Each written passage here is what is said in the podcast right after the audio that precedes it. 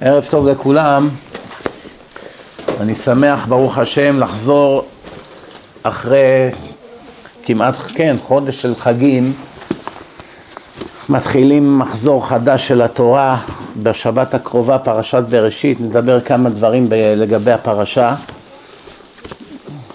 כידוע לכם אנחנו בסביבות שבועיים לפני הבחירות כאן בארצות הברית, בחירות שישפיעו כמובן על העולם ארבע או שמונה שנים הבאות, איך ייראו. אה, תמיד אנחנו אומרים שכל פעם שקורה כזה דבר זה כמובן גורלי. זה גורלי ליהודים, זה גורלי לארץ, למדינה, ליהודים בארץ. זה משפיע על כל הטרור בעולם, על מה שיקרה עם הישמעאלים. על מה שיקרה עם הכלכלה, בכלל באמריקה, שזה משפיע גם על כל העולם. זאת אומרת, רצון השם לפעמים מתבטא בדברים האלה, מי יקום להיות המלך.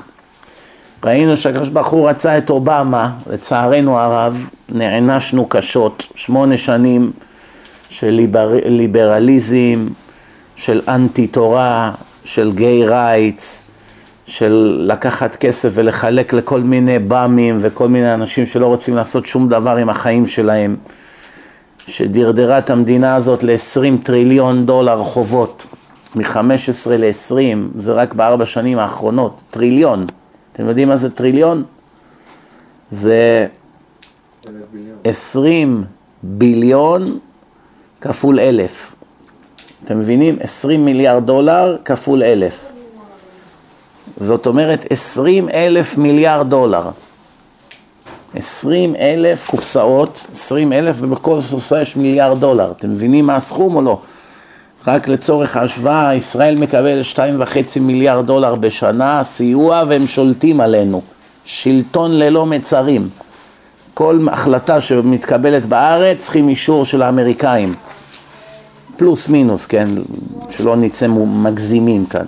שניים וחצי מיליארד, עשרים אלף מיליארד, שומעים? יכולים לקנות את כל המדינה בכסף הזה.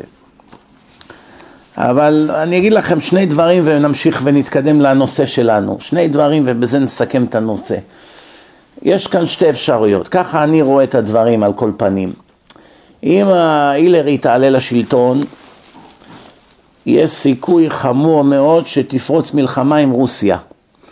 דרך רוסיה, דרך עיראק, דרך טורקיה, האזורים האלה יהיה התנגשות בין ארצות הברית לרוסיה שחס וחלילה יכולה לדרדר את העולם לתוהו ובוהו. למה? כמו שידוע לכם הכל היום בעולם זה יחסי אנוש. הכל זה יחסי אנוש. אם שני מנהיגים של שני מדינות חברים ומסתדרים אחד עם השני, כל שאר הדברים אפשר ללבן ולסדר.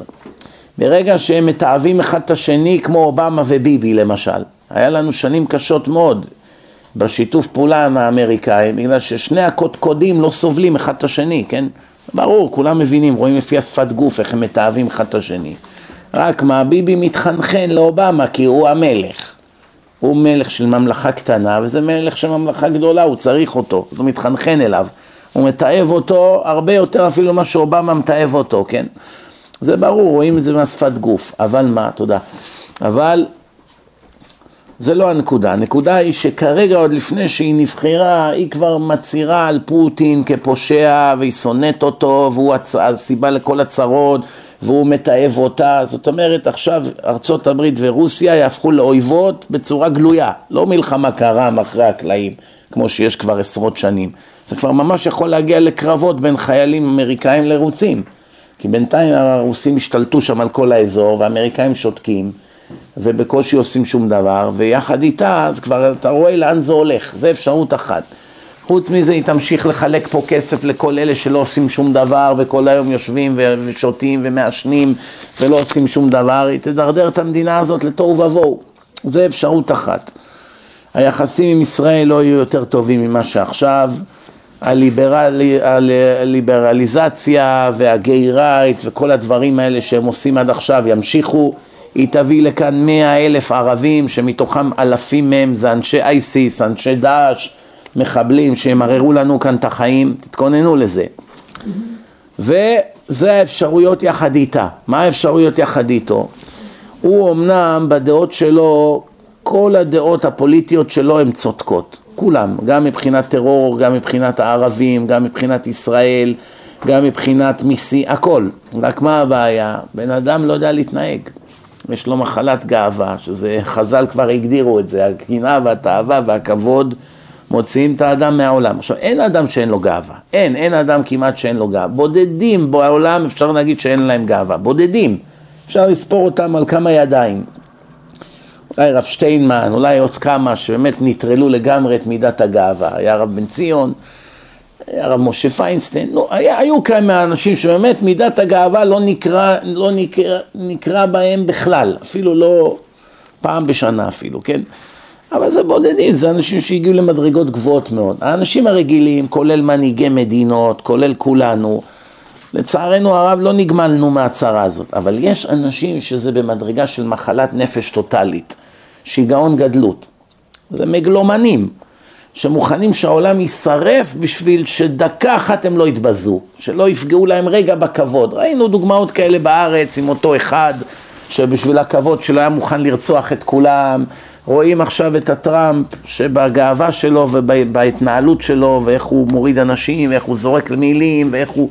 כל זה זה נובע מגאווה אישית, אפילו הוא לא מתכוון לזה. הרבה מהדברים שהוא אומר הוא לא מתכוון, זה סתם עניינים של גאווה. הוא הורס את עצמו בידיים. עכשיו, כיוון שיש לך בן אדם כזה שכל ההתנהלות שלו זה באופן אישי, פגעו בי, נגעו בי, עושים לי, מכבדים אותי, לא נותנים וכולי, וגם באופן כללי הוא רוכש בוז לכולם, בגלל שכל מי שלא מכבד אותו באופן טבעי הוא, הוא בז לו. קשה שאדם כזה ינהל מדינה, או ודאי מדינה שמשפיעה על כל העולם, זה סכנה, זה לא פשוט. גם בעיה. אף על פי שבדעות שלו הוא צודק, רגע אחד של שטות יכול לדרדר את העולם לתהום. אלה לא אנשים מחושבים, כן, ש, שמידת הגאווה משתלטת עליהם, הם לא חושבים בצורה רציונלית. לכן איך אומרים בארץ, זה נבלה וזו טרפה. אין לנו בשורות לא כאן ולא כאן. אני אומר, אם כבר תשאלו דעתי, הרע במיעוטו זה עדיף שהוא יהיה. עם כל הצרות וכל המידות שלו וכולי, לפחות מבחינת ישראל המצב יהיה יותר טוב, מבחינת הטרור פה הוא באמת ישליט פה יד נגד כל הטרוריסטים וכל הישמעאלים שמשתלטים פה לאט לאט על אמריקה כמו שבאירופה. לאן זה יוליך? אני אגיד לכם, יש בעיה, אני אסביר לכם מה. באמריקה יש מושג שנקרא Catch 22. Catch 22, מה זה Catch 22? כמו שאומרים בזוהר, אוי לי, רבי שמעון בר יוחאי אמר, אוי לי מיוצרי, אוי לי מיצרי. אוי לי אם אומר, אוי לי אם לא אומר. זה נקרא Catch 22, אתה בין הפטיש לסדן, מה פירוש?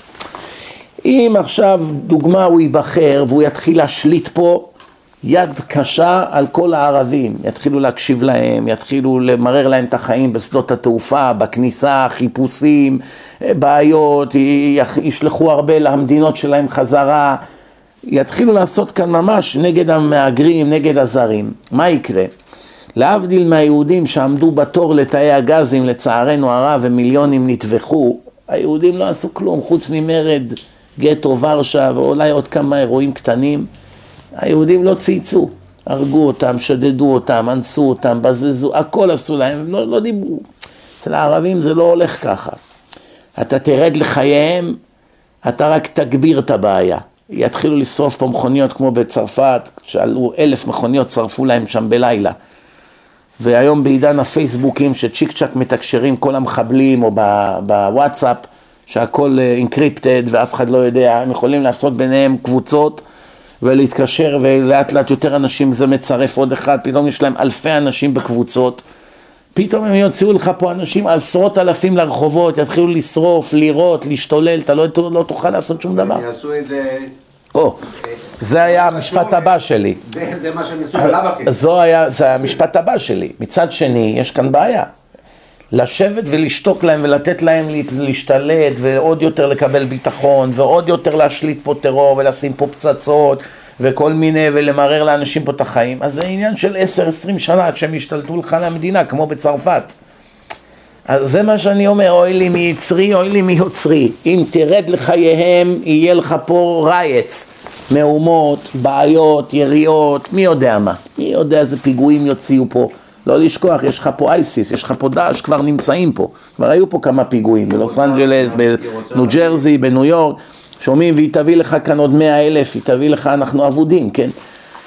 מצד שני, אם אתה תשב ותשתוק, הבעיה לא תלך, כי האסלאם מצהיר עד שלא נכחיד את כל העולם ונחסל את כל מי שלא מוסלמי אדוק, לא נשקוט. פירוש, יש מיליארד וחצי מוסלמים ויש שישה מיליארד שעל הכוונת. לא רק היהודים, היהודים זה קבוצה קטנה, זה 13 מיליון. את כל הנוצרים הם יטבחו, את כל הבודהיסטים, את כל ההינדואיסטים, את כל המוסלמים שהם לא דתיים. זאת אומרת, יש לך בערך בין שישה וחצי לשבעה מיליארד איש שמועמדים להוצאה להורג. השאלה מתי יהיה להם את הכוח לעשות את זה, זה הכל תלוי בקדוש ברוך הוא. בינתיים רואים שהקדוש ברוך הוא נתן לישמעאל בשלושים שנה האחרונות להתחזק כמו שהם לא התחזקו בשלושת אלפים שנה. מה שהם התחזקו בשלושים שנה, הם לא התחזקו בשלושת אלפים שנה. מי שישמעאל נולד בתקופת אברהם אבינו ועד לפני שלושים שנה, איזה כוח היה להם? כלום, שום דבר. פתאום יצרו איזה בעיה פלסטינאית, פתאום כולם, כל האו"ם, כולם פתאום עובדים בשבילם, הם שולטים פה בנפט, הם שולטים פה באו"ם, הם שולטים במדינות, הם שבע אחוז מאמריקה בבעלותם, הם יושבים לך שני מיליון בתוך הארץ אם לא יותר, כל רגע פיגוע, כולם חיים בפחד, כולם חיים בסבל, זה לא היה, כשאני הייתי ילד, אני זוכר שהייתי ילד, נסעתי למשפחה שלי בעפולה, יש לי משפחה בעפולה. הם מהמתיישבים הראשונים שיש בעפולה לפני 70 שנה, 80 שנה, לא יודע. שעוד אני חושב לפני קום המדינה אפילו. ואני זוכר שהייתי, אני חושב שהייתי אולי בן 6, 7, 8, משהו כזה. אנחנו מדברים לפני 40 שנה. והלכתי ברחוב, מהפיצריה של הדוד שלי לבית, בערך עשר דקות הליכה. וראיתי ערבי עם כאפיה. אחד מסתובב עם כאפיה, ורצתי מפחד, פחדתי, אתה יודע, ילד קטן, לא יודע, הוא שומע ערבים, הוא חושב מי יודע מה, יחטפו אותך וזה. כשרצתי הביתה, אז התחילו לצחוק עליי הדודים שלי, כאילו. כאילו, מה, אז מה, מה זה, הם לא מצייצים פה בכלל, מה, מה, מה, ממה פחדת בכלל? אין בכלל מה לפחד, זאת אומרת, אז היה מציאות כזאת של מי בכלל יעז לצייץ? אבל היום, הפוך היום. היום כולם חיים ברעדה, רואים שתוך דור השתנה המצב, זהו זה.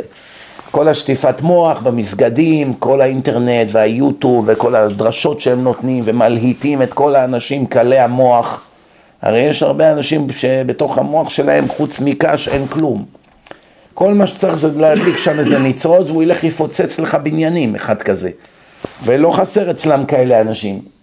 רק צריך קצת להדליק אותם, יצאו לך מאות אלפים לרחובות. במיוחד, ההבטחה היא 70 בסוגות. עם ההבטחה וכל הסיפורים, טוב, השם, איך אומרים, מגיעים תמיד לאותה מסקנה. בואו בזה נסיים את הנושא הפוליטי. תמיד מגיעים לאותה מסקנה. מהי המסקנה? אין לנו על מי לסמוך, אלא על אבינו שבשמיים. תמיד זה היה ככה, אבל היום יותר מאי פעם.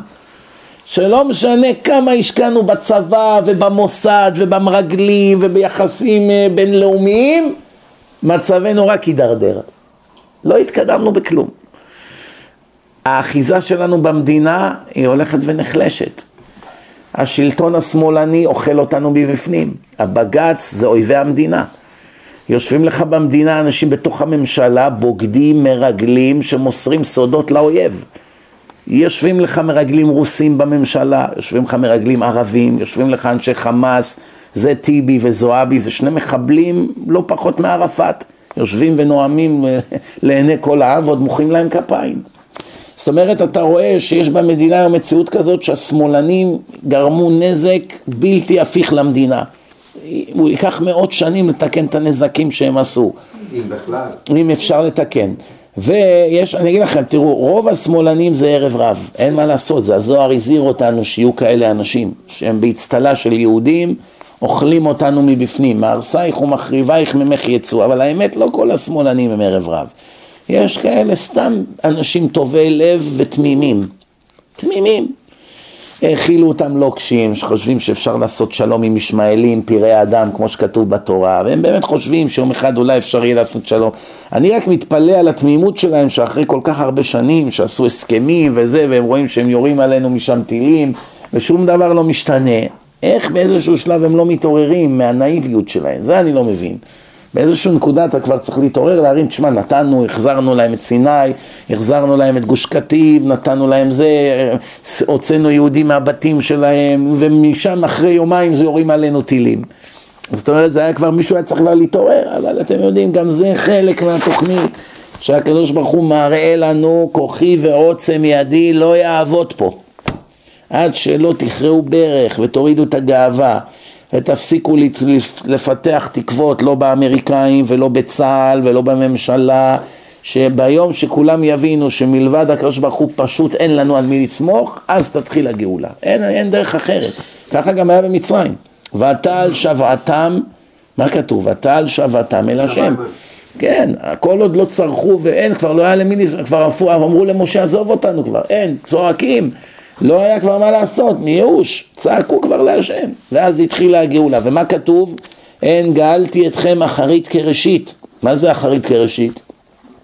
הגאולה האחרונה היא תהיה כמו הראשונה, כמו גאולה של מצרים, מה הפירוש? יש לזה כמה הסברים, אחד, לא כולם יגאלו, במצרים רק 20% נגאלו, 80% מתו, ככה זה עומד להיות שוב, לצערנו הרב, זו הסטטיסטיקה, 20% שומרי מצוות, 80% חילונים גמורים חלק מהם ממש שונאי דת.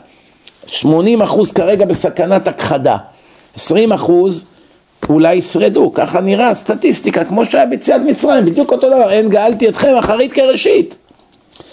דבר נוסף, כמו שבמצרים היו ניסים ענקיים, ככה עומד להיות, גוג ומגוג, קראנו עכשיו בהפטרה של חול המועד סוכות, שבת חול המועד, מה קראנו? גוג ומגוג. שהקדוש ברוך הוא ממש מתאר לך מה הולך להיות בעולם, איזה נקמה הוא ינקום בגויים שעינו אותנו אלפי שנה, בצורה של פלאי פלאים. ודבר נוסף, יש עוד הסברים, מה זה הנגלתי לכם אחרית כראשית? שכל הגאולה היא באה מכוח התפילה והזעקה, אותו דבר, שהגיעו מים עד נפש הגענו כבר למ"ט שערי טומאה במצרים, אוטוטו היינו נכנסים לשער החמישים ואבד עלינו הקלח וצעקנו להשם והבנו שאין על מי לסמוך, התחילה הגאולה. וככה זה יהיה גם עכשיו. טוב, אנחנו לקראת מחזור חדש של התורה, השבת נקרא את פרשת בראשית. פרשת בראשית מתארת תקופה של 1400 שנה בהיסטוריה. כל, העולם 5,777, שימו לב, השנה אנחנו שנת 777. 777, יש איזה בחור בחולון שאני מספר עליו לפעמים, שי קוראים לו, שי בהרנג. הוא פעיל בפייסבוק, ביוטיוב, שולח דברי תורה כל הזמן, מקושר לרבנים, בחור נחמד. והוא מקשיב לדרשות, הוא מקשיב להרבה דרשנים, אני אחד מהם. והוא שמע את הדרשה שלי שאני אמרתי לפני אה, ראש השנה או לפני כיפור, אמרתי רבותיי, השנה זה, שנ, זה שנת 777, שנת 777. שבע זה מספר הכי קדוש בתורה, ועוד שלוש שביעיות, זה, זה מדהים, ממש. אז אה, גם זה נותן 26, אם מחברים 5,777, זה שם השם. יש כמה רמזים יפים פה. הוא אומר לי, אתה לא תאמין, איך שאמרת שבע, שבע, שבע, אני עומד מול איזה מכל ענק כזה, וכתוב עליו שבע, שבע, שבע. הוא שלח לי את התמונה, שלוש שביעיות על הדלתות של ה... כמו הקונטיינרים האלה של השדות תעופה. שבע, שבע ושבע, שלוש שביעיות בדיוק מול העיניים שלו. הוא שומע בדיוק את הדרשה, שבע, שבע, שבע. מקווה שבשבע, שבע האלה ניגאל. אבל תשמעו טוב, יש כמה דברים שצריכים לדעת.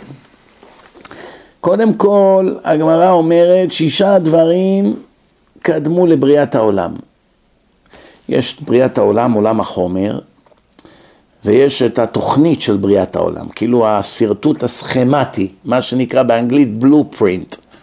כשבונים בניין יש את הארכיטקט שמתכנן כל פרט ופרט, טעות אחת זה כל הבניין נהרס, פתאום זה לא מסתדר, לא הצנרת, לא זה, לא החשמל, צריך לדעת גם איפה העמודים עומדים.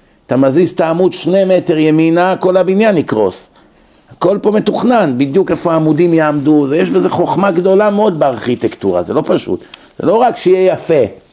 עובדה שהרבה פעמים פישלו, פתאום נופלים קשרים, פתאום נופלים כל מיני, זה בגלל שאנשים לא תכננו נכון, רשלנות. אז, אז קודם כל הקדוש ברוך הוא היה לו את התורה, הסתכל באורייתא וברא עלמא. שישה דברים. מה זה ברא שיט? בארמית שיט זה שש. שישה דברים היו לפני בריאת העולם. א', כמובן התורה, שזה התוכנית של כל העולם, של הבריאה. דבר שני, כיסא הכבוד. אל תדמיינו עכשיו שהקדוש ברוך הוא קנה איזה כיסא באיקאה והוא יושב עליו, כן? זה לא כיסא כמו פה, הנה כיסא ויושבים. גם לא הכיסא של אליהו הנביא. גם לא הכיסא של אליהו הנביא, גם לא הכיסא של אליהו הנביא, ברוך אתה אדוני, שהכל נהיה בדברו. אלא לא מדובר כאן במונחים פיזיים, שבאמת יש כיסא ובאמת יש מרכבה עם גלגלים, כל זה זה מונחים מטאפוריים שבאים לסבר את האוזן, כמו שהרמב"ם אומר, כל הביטויים האנושיים שמיוחסים לקדוש ברוך הוא בתורה ובתנ"ך, כולם באו לדבר לבני אדם בשפתם, בשפה שהם מבינים. הבנתם? לדוגמה, יש שפת מחשבים ויש מה שאנחנו האדם הפשוט מבינים. מהנדס מחשבים, כל השפת מחשבים שלו זה 1 ו-0. 0, 0, 0, 1, 1, 1, 1, 0, זהו. כל זה אחדים ואפסים, זהו. אנחנו, האחד והאפס הזה נותן לנו תמונה. מבחינתנו זה משהו אחר לגמרי. אם הוא יגיד, דבר איתי באחד ואפס, אני לא אבין שום דבר. אם הקדוש ברוך הוא ידבר איתנו במונחים מאה אחוז רוחניים, לא נבין כלום. אז תורה, אפילו סינית נדע יותר טוב. מה התועלת לספר שאף אחד לא מבין? הקדוש ברוך הוא צריך להוריד את התורה לרמת העם.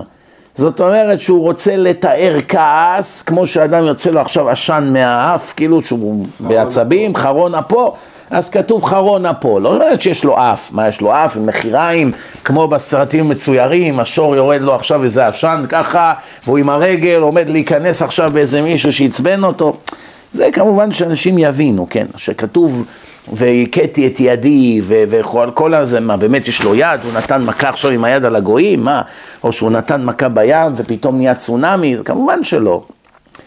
אלא זה מונחים שעוזרים לבני אדם להבין את המסר, כן? אני מבין, חרון אפו, אל תתעסק עם השם, דברים כאלה מעצבנים. ויש דברים, אתה מבין, יד ידו וכולי, וזה, אז כל הדברים האלה הרמב"ם כותב, זה כדי שבני אדם יבינו את המסר. אם נדבר איתנו בשפה שאנחנו לא נבין, במילא לא יהיה תועלת, כן? אז ממילא כיסא הכבוד, שזה כאילו ברקיע השיש, השביעי, שזה הרקיע הגבוה מעל כל השישה רקיעים שמתחתיו. ואחר כך האבות, שלושת האבות, אברהם, יצחק ויעקב, זה חלק מהתוכנית. בלעדיהם העולם לא היה יכול להתקיים, והתורה לא הייתה יכולה, וכל הדברים שקרו. זאת אומרת, הם שחקני המפתח בסרט, בעלילה. אברהם, יצחק ויעקב. ובית המקדש, שיש כזה דבר של בית המקדש, השכינה יורדת לגור בתוכו ושכנתי בתוכם. כן, אה, על המקום אשר יבחר השם אלוקיך לשכן שמו שם, בהר המוריה, שם הייתה עקדה, שאתם רואים שהכל מתקשר אחד בשני, ששם הייתה עקדה, ושם גם יהיה בית המקדש, והחלום של יעקב אבינו, וזה שער השמיים, הכל מקושר כחלק מהבלופרינט, מהתוכנית. ושמו של משיח, מי זה יהיה, לאו דווקא שמו, השם פחות רלוונטי, אלא מי הוא יהיה אותו אחד שיהיה משיח. שיתקן את העולם, כמו שאומרים בתפילה, לתקן עולם במלכות שדי. כן? יש עוד, זה הדעות של אליבא לכולי עלמא, לכולי עלמא, כולם מסכימים עם מה שאמרתי עד עכשיו, אבל יש עוד שני דברים שהגמרא מוסיפה, רבי אבא ברבי זעירא אמר, אף התשובה. התשובה גם כן נבראה לפני בריאת עולם החומר, איך זה ייתכן? כל המושג הזה של תשובה הוא דבר לא ברור. בדרך הטבע אדם עשרים שנה יפגום, יהרוג, ירצח, יגנוב, יצבור חובות, פתאום ברגע אחד הכל יימחק, כאילו שנולד מחדש, איפה יש מציאות כזאת? הרי כל דבר בעולם זה מבחינת מעוות לא יוכל לתקון. שברת שולחן, הלך השולחן, אין שולחן, התפורר. שברת זכוכית, זהו. אין מושג שעכשיו נעשה, אוקיי, אני מתחרט, אני מצטער ששברתי, והזכוכית תחזור להיות זכוכית. אין כזה דבר. תאונה, הלך האוטו. רצחת בן אדם, הלך הבן אדם, אי אפשר להחזיר אותו יותר. הורדת בניין, זהו. עכשיו עשרים שנה לבנות אותו מחדש. זאת אומרת, בחוקי הטבע, הכל זה מבחינת מעוות לא יוכל לתקון. או גם אם יוכל לתקון, צריך להזיע הרבה כדי לתקן. זה הרבה הרבה להזיע. והנה לך מושג כזה שנחשב, אדם עושה תשובה, עשרים דקות, חצי שעה, שעה, חמש שעות, יום, יומיים, עושה תשובה אמיתית, לומד, מתפלל, מבקש סליחה, ופתאום, איך הרמב"ם כותב? אתמול היה שנוי, משוקץ, מתועב, רחוק, היום הוא ידיד, אוהב, אהוב, קרוב להשם, כל הביטויים התהפכו.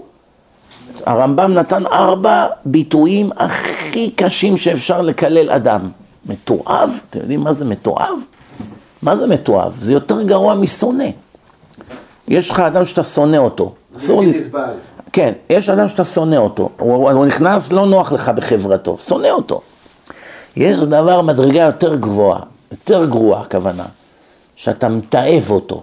מה זאת אומרת? שונא, הוא לידך, אתה לא רוצה לדבר איתו, לא רוצה להסתכל עליו. מתועב, שאתה רואה אותו, בא לך להקיא ממנו. חלחלה בכל הגוף אוחזת אותך. איך המן היה רואה את מרדכי? היה משתגע. כולם משתחווים לו, האיש הכי עשיר בעולם, יותר עשיר מאחשוורוש, איזה יהודי לא מתייחס אליו. מרוב שזה היה הורג אותו, זה הביא אותו לטירוף הדעת. שבמקום להבליג ולהישאר מלך, האדם הכי חשוב בממלכה, זה הביא אותו לתר... לעשות פעולות של טירוף הדעת, עד כדי כך שהוא היה מוכן לעשות שואה בעם שלם, מרוב השנאה שלו למרדכי. זה טירוף שאי אפשר לדמיין אותו. אז הרמב"ם כותב לך כזה דבר מבהיל. זאת אומרת, הרמב"ם, אני מדבר על חילונים. חילונים שלא שומרים שבת, לא אוכלים טרף, עושים עבירות. אז הרמב"ם אומר, אתמול היה משוקץ, מתועב, שנוי, השם שונא אותו. פתאום, זה בהלכות תשובה, תסתכלו רמב"ם, כמדומני זה פרק שלישי בהלכות תשובה. היום אהוב, רע, ידיד, הכל התהפך. השם אוהב אותו, וואו, איזה יופי, שמח בו. התהפכו היוצרות, ומה גרם?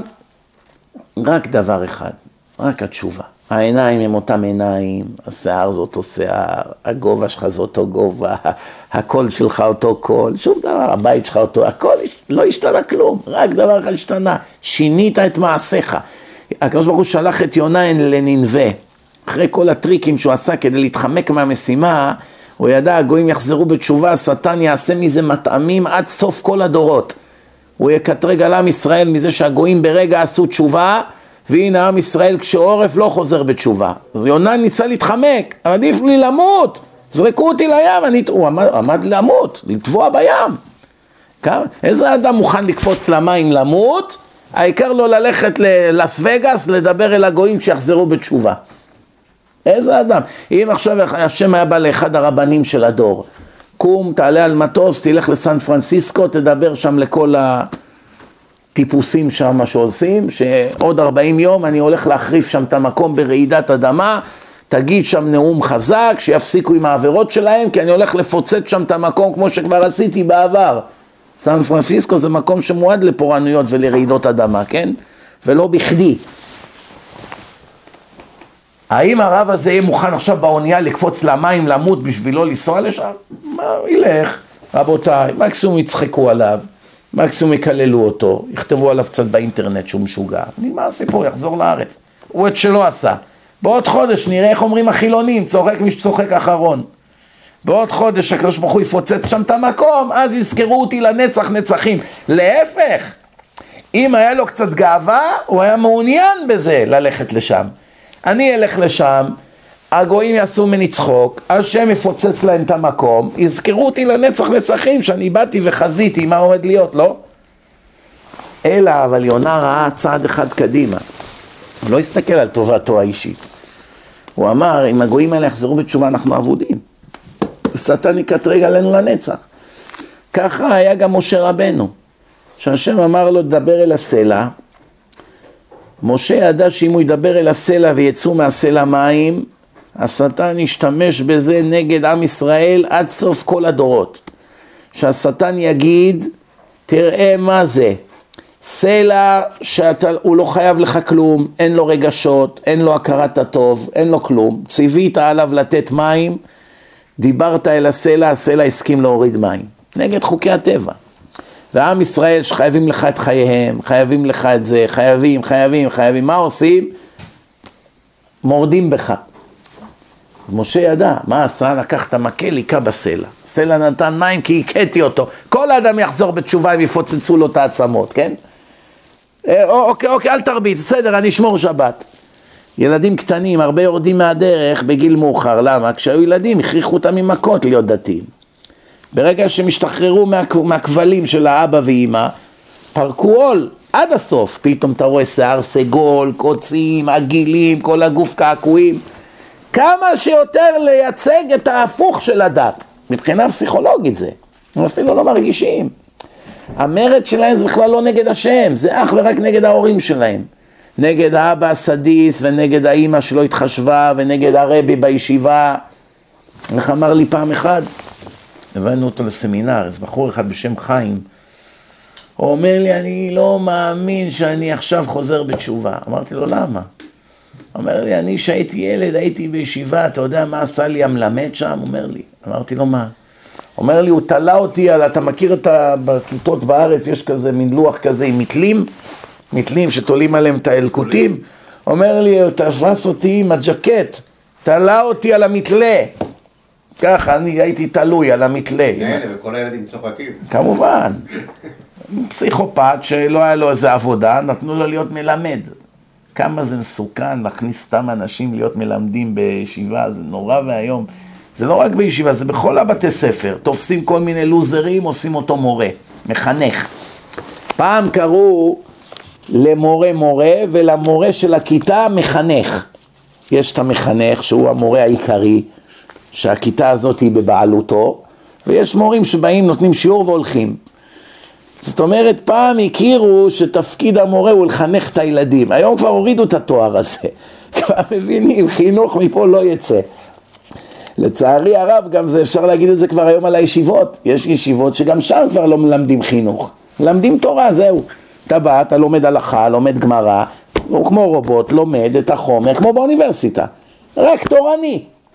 אבל מה עם מידות, מוסר, דרך ארץ, דוגמה אישית?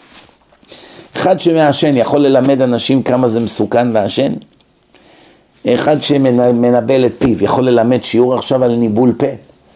אחד שהוא מתייחס לתורה כצחוק, הוא יכול ללמד על עכשיו עמל התורה ועל מסירות נפש? התלמידים יגחכו, מה זה, זה בא לתת לנו מוסר זה? מבינים מה אני אומר? אבל אחד שהוא דוגמה אישית, זה היה כבר סיפור אחר. אנשים אומרים, תשמע, לא, לא משנה מה הוא אומר, הוא חי את מה שהוא מדבר. זה לצערנו הרב קשה מאוד למצוא היום בדורנו. טוב, נתקדם הלאה. אז אף התשובה, כי התשובה היא נגד חוקי הטבע.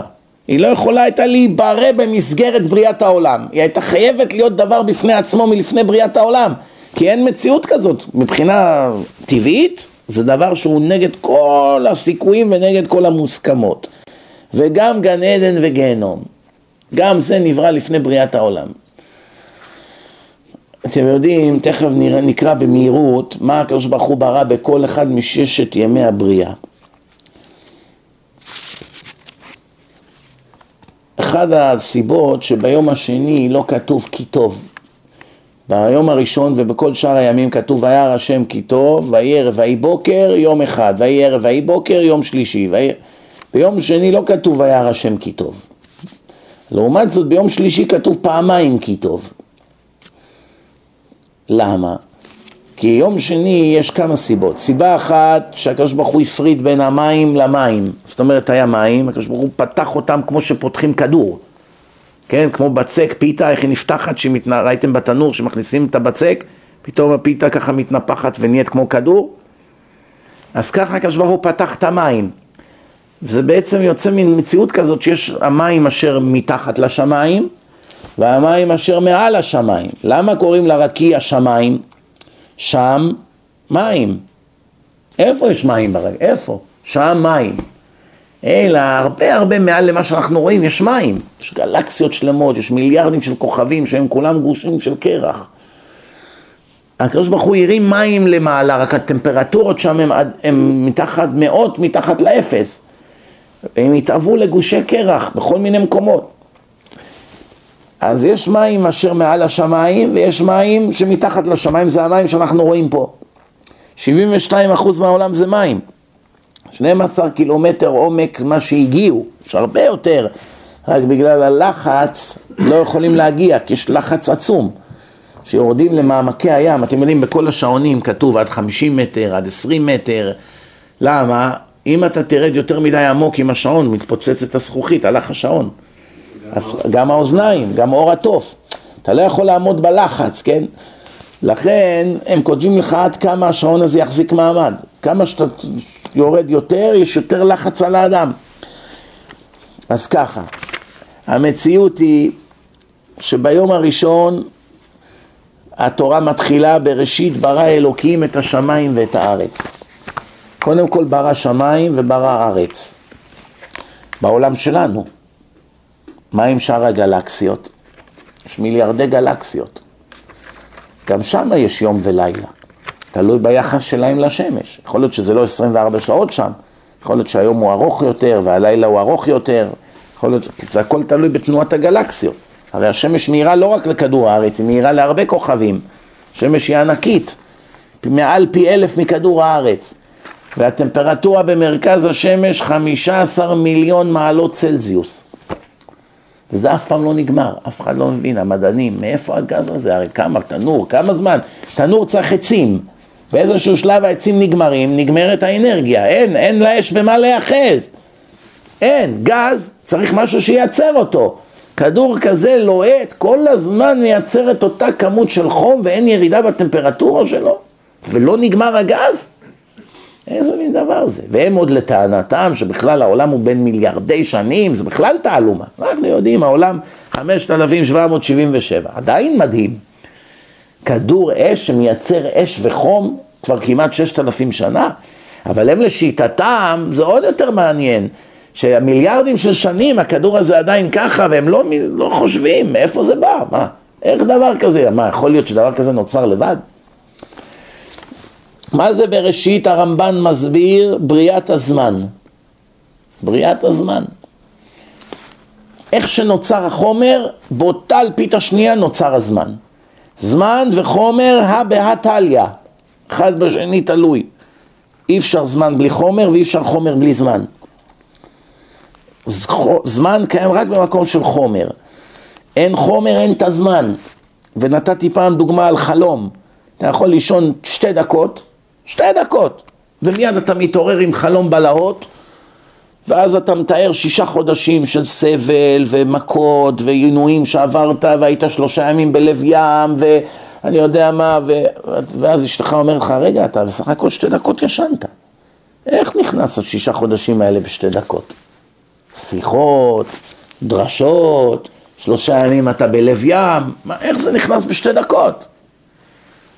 כדי לחדד את זה עוד יותר, תדעו שהחלום הכי ארוך לפי מה שהמדענים טוענים זה תשע שניות. ואז הקושייה עוד יותר חזקה, בתשע שניות שישה חודשים של פרטים נכנסו עם שיחות, עם נסיעות, מספיק שאתה חולם בחלום, שאתה נוסע עכשיו במכונית עשר דקות. איך זה נכנס בתשע שניות? איך עשר דקות נכנסו בממד הזה של התשע שניות? רק להדליק את האוטו. רק להדליק את האוטו זה תשע שניות. מה הלך פה? אתה רואה שיש מציאות רוחנית ששם אפשר לדחוס כמה שרוצים בשנייה. זה דרך אגב הגן עדן גיהנום גם. שהקדוש ברוך הוא מכניס אדם בתוך אושוויץ לכך וכך שנים שהוא מתכנת והאדם עובר סימולציה. אין באמת אש, אין באמת עצים, אין באמת תנורים כמו באושוויץ, אבל זה בדיוק כמו בחלום. אתה עכשיו ישן ואתה חולם ששורפים אותך ומענים אותך ובועטים בך וכל מה ש... ואתה מרגיש את זה מוחשי. יום, יומיים, חודש, ופתאום אתה נופל מבניין ואתה מתרסק והכל זה אמיתי, ועד שאתה מתעורר ונגמר הסיוט. וכמה זמן היה הסיוט בעולם הזה? תשע שניות. וכמה באמת הוא היה? חודש. חודש של איסורי מוות, בדיוק כמו פה, עם אותם בחיות, עם אותם צעקות, עם אותם כאבים. כשאדם מתעורר, איך הלב שלו דופק, הוא מזיע, הוא בוכה, משתולל, מדליק סיגריה, הוא לא נרדם אחרי זה כמה שעות. פעם אמר לי זה אחד, שלושה ימים אני לא ישן ולא אוכל. אמרתי לו, למה? הוא אומר לי, חלמתי שאשתי בוגדת בי עם מישהו שאני מכיר. ואומר, אמרתי לו, נו ו... יש, יש משהו בחלום? הוא אומר, לא, לא, אין שום סיכוי, זה סתם, זה רק חלום, חלומות שם ידברו. אמרתי לו, אז למה אתה בלחץ? הוא אומר, רק מהמחשבה אני לא יכול יותר לתפקד. מהמחשבה. תאר לך שזה היה קורה לו עכשיו במציאות גם, אבל עצם זה שמהמחשבה זה משפיע לו על החיי יום יום שלו. כאילו שזה קרה לו במציאות. רואים שהמציאות והדמיונות, הקו שמבדיל ביניהם לפעמים הוא מטושטש. שאדם ממש, החלומות שלו משפיעים לו על החיים. יש אנשים שקובעים את המעשים שלהם לפי מה שהם חולמים. למשל הוא חלם על איזה משהו בלילה, הוא חלם שעכשיו הוא, אני יודע מה, מתקן מחשבים, נרשם לקורס למחשבים. ראיתי בחלום שאני מתכנת מחשבים. אחד חלם ככה, הוא חלם ככה. אני פעם חלמתי בבוקר, בחמש לפנות בוקר, שעליתי על המטוס, והמטוס התרסק, אבל מה זה התרסקות? נוראית, צעקות, אנשים, המטוס נפל כמו שזורקים סלע. ובדיוק זה היה שעתיים לפני שהייתה לי טיסה ללוס אנג'לס. שעתיים לפני הטיסה, בבוקר. אני צריך לצאת לטיסה, וחלמתי שהמטוס מתרסק. מה אני אעשה? יש לי סמינר מלא אנשים. אמרתי, זכות התורה, אם חס וחלילה זה גזירה, זכות הרבים וזה, תבטל את הגזירה. עליתי על המטוס, הייתה הטיסה הכי חלקה שהייתה לי, מתוך מאות טיסות, חלק, אפילו לא, אתם מכירים את הרעידות האלה שיש? ככה המטוס קצת זורה, הלך חלק, למה? השטן כנראה מצא שיטה. אמר, עכשיו הוא יפחד, לא ילך, לפחות השבתון יתבטל, נרוויח משהו, כן? ברוך השם. טוב, נתקדם הלאה. אז uh, בהתחלה בראשית ברא אלוקים את השמיים, בראשית זה בריאת הזמן. ברא אלוקים את השמיים ואת הארץ, והארץ הייתה תוהו ובוהו, הכל היה מבולגן, אין סדר. וחושך על פני תהום, הכל מכוסה במים, והחושך מעל המים, הכל חושך, אין אור, לא רואים כלום. ורוח אלוקים מרחפת על פני המים, ויאמר אלוקים יהי אור ויהי אור. יש כאן רמז על החיים דרך אגב. אתם יודעים, התורה יש 70 פנים לתורה, הפוך בה והפוך בה וכולה בה. יש הרבה רמזים בפסוקים שמז... שמלמדים מוסר על החיים והשקפה. למשל פה, צריכים לדעת דבר אחד, והארץ הייתה תוהו ובוהו. גם שהחיים שלך עכשיו פה בעולם הזה הם תוהו ובוהו. אין לך עבודה, אין לך שידוך, אתה יוצא לשידוכים, לא, לא עובד, אדם חי בלי כיוון, אין לו, הוא לא יודע בכלל למה הוא קם בבוקר. יש הרבה כאלה, מיליונים יש כאלה בעולם. וחושך על פני תהום, החיים שלך הם על סף נפילה לתהום והכל חשוך. אל תשכח רוח אלוקים מרחפת על פני המים. מה זה מים? תורה. אתה רוצה להינצל מהמצב שלך? קפוץ למים. מה זה מים? תורה. שם הרוח אלוקים נמצאת, היא תציל אותך מהכל. ויאמר אלוקים, מה יקרה אחרי זה? אלוקים יביא לך אור. ויאמר אלוקים יהי אור ויהי אור. רק השם יכול להביא לך את האור. לא הפסיכולוגים ולא הפרוזק ולא הכדורים ולא אני יודע מה. הבנתם? אז רואים מכאן ש... גם כשחרב חדה מונחת על צווארו של אדם, אל יתייאש מן הרחמים. ותדעו לכם, גם כשהשמיים נראים שחורים והכל נראה חשוך, ומשה ניגש אל הערפל כי שם האלוקים. שמה, שמה, שהכל חשוך, שמה אתה תמצא את השם. כתוב את זה מפורש בתורה, בצר לך ומצאוך כל הצרות האלה יש רשימה נוראית של טרגדיות. בצר לך, שאתה במצור, שהכל על הפנים, שהשפלתי אותך עד עפר, ומצאוך כל הצרות האלה, ושבת עד השם אלוקיך ושמעת בקולו. רק אז אתה תוכל לשוב עד השם אלוקיך. לא דתילוני חפיף, כמו רוב האנשים. עד השם אלוקיך. רוב האנשים חזרו בתשובה שחטפו מכות בחיים. לכן בארץ יש מנהג, מישהו שחוזר בתשובה, ישר החילונים שואלים אותו, מה קרה? מי מת? אתה באבל? מה זה זקן? אה, ברוך השם, אתה לא באבל? אז מה, התחרפנת? אחד מהשניים. לא יכול להיות שגילית את האמת, שאתה אדם נאור, שגילית קצת רמב"ם, רמח"ל, קיבלת סוף סוף קצת שכל, יצאת מהרדידות שאחזה בך כל חייך, זה לא יכול להיות. או שמת לך מישהו, או שאתה בפשיטת רגל, או שהתחרפנת, לא יודע, או שעברת איזה טראומה במלחמת שלום הגליל, מי מת, מי זה, כן, טוב. ואומר ככה, אז ויהי ערב ויהי בוקר יום אחד. טוב, אז יום הראשון, שמיים והארץ ואור וחושך. טוב, איזה אור? לא הייתה שמש. שמש רק ביום רביעי תיכנס לתמונה. אור רוחני, שחודר דרך עצמים, מה שנקרא רנטגן בימינו. האור הגנוז. בדיוק. למה קוראים לזה האור הגנוז? כי השם גנז את האור הזה ששימש בארבעה ימים הראשונים, הוא גנז אותו לצדיקים לעתיד לבוא. משמע שמהאור הזה יש הנאה רוחנית שמילים לא יכולות לתאר. להבדיל כמו המסוממים שלוקחים איזה סם עכשיו והם מרחפים באיזה עולם של דמיונות, עוד מעט הדמיונות האלה יטפחו על פניהם ואז הם ישקעו במראה עוד יותר שחורה, כן? אתם יודעים, יש בארץ הרבה שהם בעד אה, ליגליזציה של סמים קלים, קוראים לזה סמים קלים, מה שנקרא גראס, חשיש, מריחואנה, זה כולם מאותה משפחה, כן? והם קוראים לזה סמים קלים, כיוון שאנשים כביכול עוד מתפקדים איתם, זה לא כמו הירואין, שאדם שנתמכר לזה, זהו, הלכו לו החיים, הוא לא יכול לתפקד, לא יכול כלום.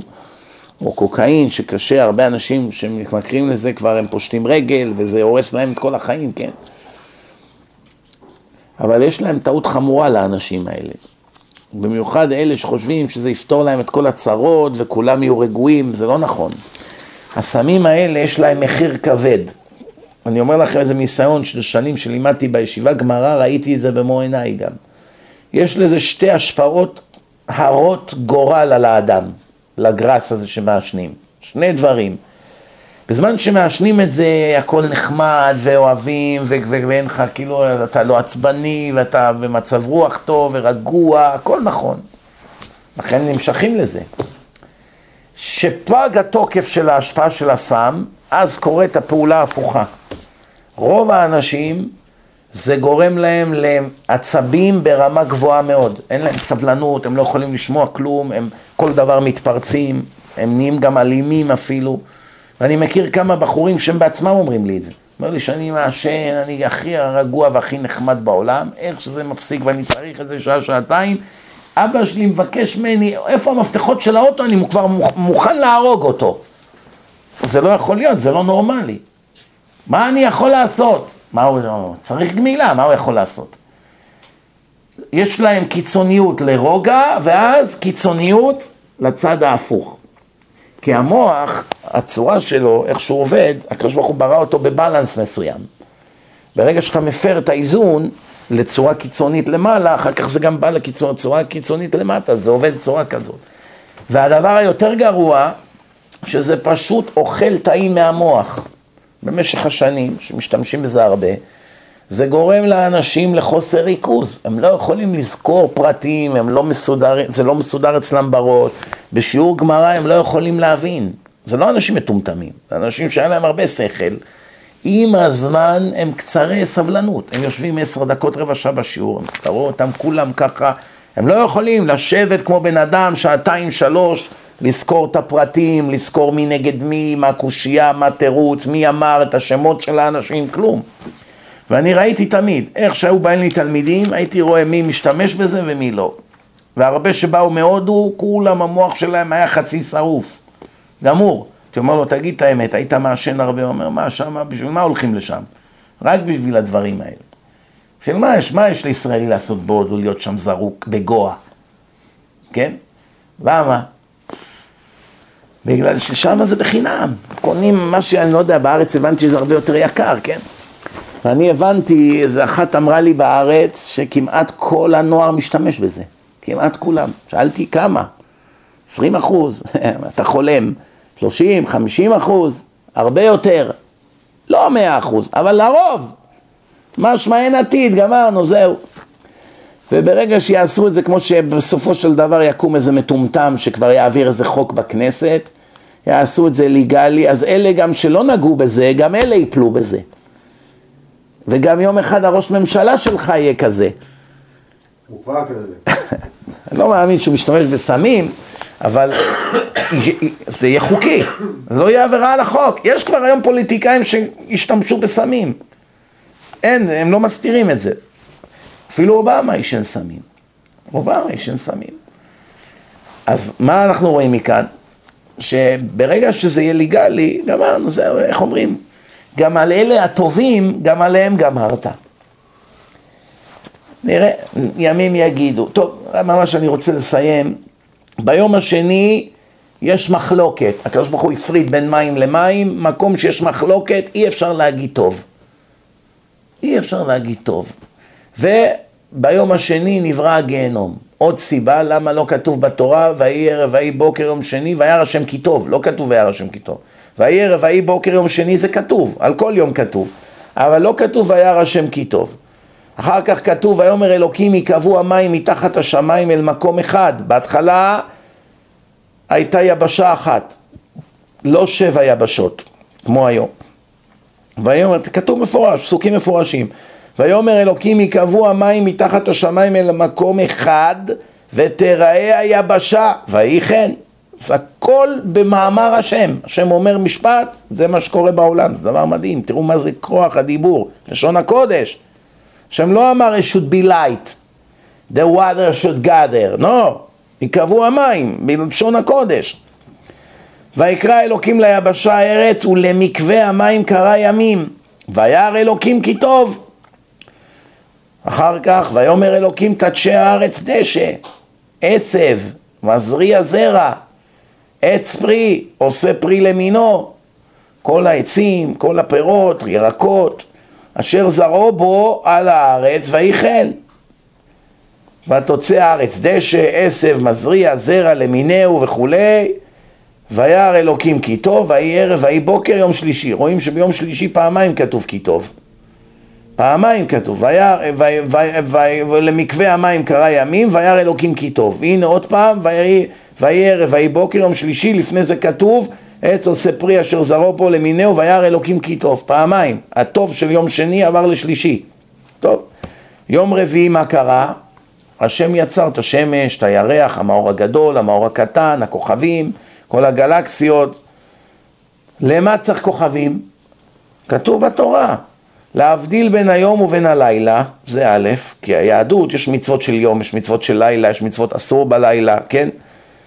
והיו לאותות ולמועדים, חגים, כן, ולימים ולשנים. שנה, חודש, כל זה חשוב ביהדות, הכל הולך לפי תאריכים, כן, שעות של היום, קריאת שמע, ברית מילה ביום, ברכות של הלילה יש, שמע ישראל של הלילה וכולי, כן. והיו למאורות ברכי השמיים לעיר על הארץ ויהי כן. טוב, אז הנה הקדוש ברוך הוא ברא את המאורות, ויהי ערב ויהי בוקר יום רביעי. מה קרה ביום החמישי? ויאמר אלוקים ישרצו המים שרץ נפש חיה ועוף יעופף על הארץ על פני רקיע השמיים. משמע הוא ברא את כל החיות, כל העופות, כל הציפורים שעפים על פני הארץ ובשמיים ויברא אלוקים את התנינים הגדולים. מה אלה? הדינוזאורים. חיות גדולות, כמו שהגמרא מתארת, חיות בגודל של הר. דוד הלך פעם באיזה הר, פתאום התחיל לזוז, פתאום הבהמה הרימה את הראש שלה. זו הייתה חיה ענקית, זה היה נראה כמו הר, מלאה בחול, ככה מחוספס כזה, שוכב על זה, עולה, עולה, עולה, פתאום היא, היא זזה. איפה הם כל החיות האלה? מגלים אותם בחפירות ארכיאולוגיות. למה? למה נכחדו כל החיות? במבול לפני 4,200 שנה, נוח לא הכניס את החיות הגדולות האלה לתיבה, לא היה מקום בשבילם. לא היה בהם יותר צורך בעולם גם. ככל שהתרבו יותר אנשים, ככה החיות הגדולות האלה נכחדו מהעולם. כשהעולם היה שלושת רבעי ריק, היו את החיות הגדולות האלה. ברגע שהעולם מתיישב כולו, נכחדו כולם. הקדוש ברוך הוא מחק את העולם, מחק יחד איתם את כל החיות, החיות הגדולות. ואחר כך כתוב אשר שרצו המים למיניהם ואת כל עוף כנף למיניהו וירא אלוקים כי טוב ויברך אלוקים אותם לאמור פרו ורבו ומילאו את המים בימים והעוף ירב בארץ הרבה עופות התרבו ויהי ערב ויהי בוקר יום חמישי. אז יום חמישי זה היה דגים כל מה שחי בים וכל מה שחי בשמיים כן? עפים. טוב ויאמר אלוקים תוצא הארץ נפש חיה למינה, בהמה ורמס, וחייתו ארץ למינה ויהי כן, כל מה שזוחל, ויעש אלוקים את חיית הארץ למינה, את הבהמות, כל אלה, ואת כל רמס האדמה, וירא אלוקים כי טוב. ויאמר אלוקים, הנה כאן נכנס האדם לתמונה, וזה נסביר קצת על אדם וחווה, יום השישי ונסיים. ויאמר אלוקים נעשה אדם בצלמנו כדמותנו. מה זה, למה מדברים פה בלשון רבים? היה צריך להיות כתוב, אעשה אדם כצלמי, כדמותי. על איזה צלם מדובר? בצלם אלוקים ברא אותם, את האדם ואת החווה, כן? מה זה ברא אותם? ברא זה בלשון יחיד. וגם כתוב כמה פעמים בתורה, אני הוא ואין עוד אחר, בשמיים ממעלה וארץ מתחת אין עוד. כתוב שאני האל היחיד, אני הבורא, אני, אני, אני, אני, הכל אני. פתאום כאן כתוב בלשון רבים. ויאמר אלוקים נעשה אדם בצלמנו כדמותנו. אז uh, ההסבר לזה הוא פשוט. א', הקדוש ברוך הוא הרי ברא את המלאכים. והמלאכים, כל מלאך הוא ממונה על תחום בבריאה.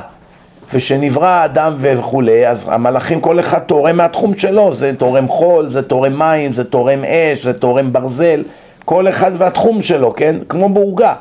כל אחד בה שם את החלק שהוא מיומן בו, או כמו בביזנס. אחד בונה, בונה, אחד מסדר, אחד אה, חשבונאי, אחד מוכר. כל אדם תורם לביזנס את המיומנות שלו, כן? אז הקדוש ברוך הוא מדבר עם המלאכים, שאף על פי שהם רק רובוטים, נעש, נעשה אדם שהוא בצלמנו, מבחינה רוחנית, לא מבחינה פיזית, כי אחד מהעיקרים של היהדות של הקדוש ברוך הוא אין דמות ואין לו גוף ואין לו צבע ואין לו מידה ואין לו שום מגבלה וכולי, כן? אסור, אסור לדמיין את השם. אל מי תדמיוני ואשווה, ככה כתוב. למי תדמיינו אותי וזה יהיה נכון ותהיו צודקים? אין כזה דבר, אתם לא יכולים לדמיין אותי, כן? אז, אז נעשה אדם בצלמנו, שמשה כתב את הפסוק הזה, הוא התווכח עם השם. אמר לו, למה אתה אומר נעשה ולא אעשה? אנשים יבואו לידי טעות, יחשבו שיש יותר מאל אחד. אמר לו הקדוש ברוך הוא, שתוק, תכתוב את זה, הרוצה לטעות יבוא ויטעה. מי שרוצה לטעות הוא כבר בחר תירוצים. עכשיו הוא כבר יחפש למה לתרץ את המעשים הרעים שלו. זה לא מה שחושבים. יש כאלה חושבים, תראה, התעוררו לו קושיות על האמת, חזר בשאלה. בלוני, שטויות. 99 מתוך 100 פעמים אדם אין לו את הכוחות, הוא לא לומד תורה, הוא לא מתחזק ביראת שמיים ובמוסר, הוא שקוע בתאוות העולם הזה, נמאס לו לשמור מצוות, זה עול בשבילו, עול תורה ומצוות, לא סתם קוראים לזה עול. אז עכשיו, איך אני יוצא מזה? סתם פתאום להיות חילוני לא נעים. אני חייב לתרץ את זה, אם לא אני, אני חי בשקר, ייסורי מצפון, יצחקו עליי, ידברו עליי, ידברו נגדי, אשתו, ילדים, הורים, חברה, כן? מה, ויגידו לי, מטומטם, עד עכשיו היית דתי, פתאום נהיית חילוני, יש לזה השלכות, כן? אז מה הוא עושה? הוא מתחיל תהליך, לאט לאט בהדרגה, וכל פעם ששואלים אותו, ראיתי קושייה פה, קראתי ככה, זה לא מסתדר לי, יש לי דברים שהם לא מובנים, סיפורים. תכלס, חבר אותו למכונת אמת, תראה שהכל שטויות ובבלת. אלא מה? הוא חייב לתרץ. זה מה שהשם אומר למשה, זה לא דעתי. השם אומר למשה, הרוצה לטעות, יבוא ויטעה. מי שבאמת רוצה לטעות, הוא כבר ימצא איך לטעות, מה אתה חושב? הרי כמה פעמים כתבתי בתורה שאני אחד? התעלמו מכל הפעמים, דווקא פה יחשבו שיש עוד אחד, אבל כתוב מפורש שאין עוד. בשמיים ממעל ועל הארץ מתחת אין עוד, אין עוד אחר. אני הראשון, אני האחרון, אני האחד לפני שבראתי העולם, אני אחד לאחר שבראתי העולם, מבלעדיי אנאל, יש הרבה פסוקים. בקיצור, ממשיכה התורה פה, ויברא אלוקים את האדם בצלמו, בצלם אלוקים ברא אותו. זכר ונקבה ברא אותם. אחר כך כתוב, ויברך אותם אלוקים, ויאמר להם פרו ורבו ומילאו את הארץ, זו המצווה הראשונה, פרו ורבו, להוליד ילדים. וכבשוה, מילאו את הארץ וכבשוה, פשטו בכל העולם, הורדו בדגת הים, אתם שולטים בדגים, ובעוף. ובעוף השמיים, ובכל החיה הרומסת על הארץ, אתם שולטים בכל הטבע. אחר כך כתוב, וירא אלוקים את כל אשר עשה, והנה טוב מאוד, ויהי ערב ויהי בוקר יום השישי. אחר כך כתוב, ויחולו השמיים והארץ וכל צבאם, ויכל אלוקים ביום השביעי מלאכתו אשר עשה, וישבות ביום השביעי מכל מלאכתו אשר עשה, ויברך אלוהים את יום השביעי, ויקדש אותו, כי בו שבת מכל מלאכתו אשר ברא אלוקים לעשות. ביום השביעי לא נברא כלום, יום רוחני, אין בריאה, אין יצירה, אין יצירת אנרגיה, אין אש, אין שום חיבורים, אין כלום. זה יום רוחני, אני לא בראתי כלום, אתם הבנים שלי, אסור לכם לברוא כלום. לא מדובר עכשיו שצריך עכשיו לנוח משישה ימים שעבדנו קשה והזענו, לא. כי אפילו מלך שכל היום ישן לו בארסל, חייב לשמור שבת. בלי קשר שהוא לא עובד קשה, לא עובד קשה. ביל גייטס יכול לחשוב לשבת בבית לא לעשות כלום. אם הוא היה יהודי, היה צריך לשמור שבת, זה בלי קשר לעבודה. מי שעובד קל, מי שעובד קשה. מי שצעיר בכלל לא עובד, בן 14, הוא בכלל הולך לבית ספר, עדיין צריך לשמור שבת. זה לא קשור לעבודה קשה ליום מנוחה כמו שחושבים. זה יום שהיצירה בו אסורה, מסיבות רוחניות נשגבות מאוד, סיבות מאוד מאוד גבוהות. וכמה אדם פוגם בעולמות העליונים ובנשמתו ובעתיד שלו בעולם הנצח בזה שהוא מחלל שבת. ואז התורה חוזרת למה שדיברנו על אדם, שימו לב, אלה תולדות השמיים והארץ בעיברם. ביום עשות השם אלוקים אדם ושמיים, וכל שיח השדה וכולי. ומה כתוב כאן? וכל עשב השדה טרם יצמח, כי לא המטיר השם אלוקים על הארץ, ואדם עין לעבוד את האדמה. זאת אומרת, מיום שלישי עד יום שישי, השם זרע את הזרעים, נבראו העצים, שיחים, כל מה שצריך, אבל שום דבר לא גודל. שלושה ימים לא גדל מילימטר. למה? עד שנוצר אדם. אחרי שהאדם נוצר, הוא התחיל להתפלל. השם אמר לו, אחד הדברים שלך, שמתי אותך בגן עדן, היו שם עשרות אלפי עצים. לא כמו שחושבים, איזו חורשה יפה עם איזה נחל. עשרות אלפי עצים. חמישה עשר אלף טעמים שונים של פירות ודבר, ודברים שהיו שם. חמישה עשר אלף טעמים של... אי אפשר לדמיין אותם בכלל. מלאכים צולעים לו בשר, כולו ציפורן, הוא גדול, חווה, אני לא צריך לספר לכם איזה יפהפייה היא הייתה, כי ברוך הוא יצר אותה. יש אומן יותר מוכשר מהשם? היום יש נשים שנולדות מאבא ואימא, והשם נתן להם יופי, איך אומרים, עוצר נשימה. והם מבחינת חווה כקוף ליד בן אדם. שומעים? תדמיינו לכם איזה יופי היה לה. והשם עשה, לה, עשה לאדם עזר, וירא השם את האדם, כתוב וירא השם כי לא טוב היות האדם לבדו, לא טוב שאדם יהיה לבד, אעשה לו עזר כנגדו, ברא לו את חווה, לא ברא לאיציק את יוסי, אה, ברא לו את חווה, חווה זה העזר, הגמרא אומרת זכה עזר, לא זכה כנגדו. מה זה כנגדו? בפשט המילולי, מולו. שתהיה מולו ביום יום, כן? קודם כל, הנשים צריכות לדעת שהם נבראו כעזרה לאיש, ולא כאישות בפני עצמו. למה יש סגן נשיא? כדי לעזור לנשיא. אם לא היה נשיא, לא היה צריך סגן נשיא. כל הסיבה שיש סגן נשיא כי יש נשיא, מובן? אוקיי. עכשיו, למה הקדוש ברוך הוא לא ברא את האישה גם כן מעפר? ברא אותה כמו שברא את האדם, מה? מה צריך עכשיו להפיל עליו תרדמה, כתוב ויפיל על האדם תרדמה ויקח וכולי, מה צריך את כל זה? אלא אם האישה הייתה נבראת בפני, נבראת בפני עצמה, הייתה אומרת לאדם, במה אתה עדיף עליי? אתה נבראת, אבל שנינו נבראנו באותו יום, שנינו נבראנו בפני עצמנו, שנינו מלכים. אלא את קיבלת חיים ממני, כל ה-DNA שלך בא ממני. וגם כתוב בתורה שאת נבראת כדי לעזור לי, זאת אומרת, אני יותר חשוב ממך. אין פמיניזם בתורה של השם. יש זכויות נשים, כן.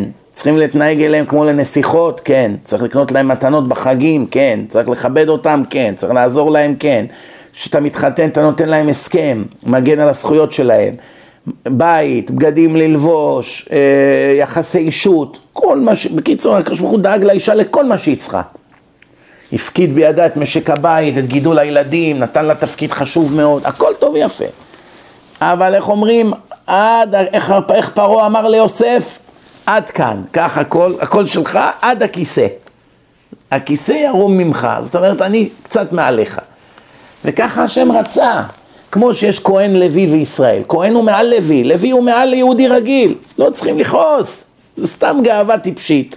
השם רצה שהכהן יהיה מעליי, מה, מה אני לא מבין. היצרן ככה החליט, זהו, החליט שגבר הוא מעל אישה. אלא מה, כל האנשים עם הדעות המקולקלות, חסרי תוכן, חסרי שכל, מעולם לא פתחו ספר, כל אחד רוצה לעצב את העולם מחדש לפי הבנתו האישית. ומה עם הספר של היצרן? מי נתן לך רשות לערער עליו? מי נתן לך רשות לבלבל את כל המוסכמות ולהרוס את עולמו? הרי לכל מעשה יש תוצאות ויש עונש. אתה לא יכול לברוח מהעונשים שאתה מביא על עצמך. אז תראו מה כתוב כאן, שהשם הביא, עשה לו ניתוח, הפיל עליו תרדמה, מהצלע שלו הוא ברא את חווה. ואיך שהם חטאו, הקדוש ברוך הוא בא אליו ואומר לו, מה עשית? מה הוא אמר לו? זה האישה שנתת עימדי, זה היא אשמה. וכשהוא בא אליה, מה היא אמרה? זה הנחש. אז עכשיו באמת, יש כאן דבר שהרבה לא שמים אליו לב.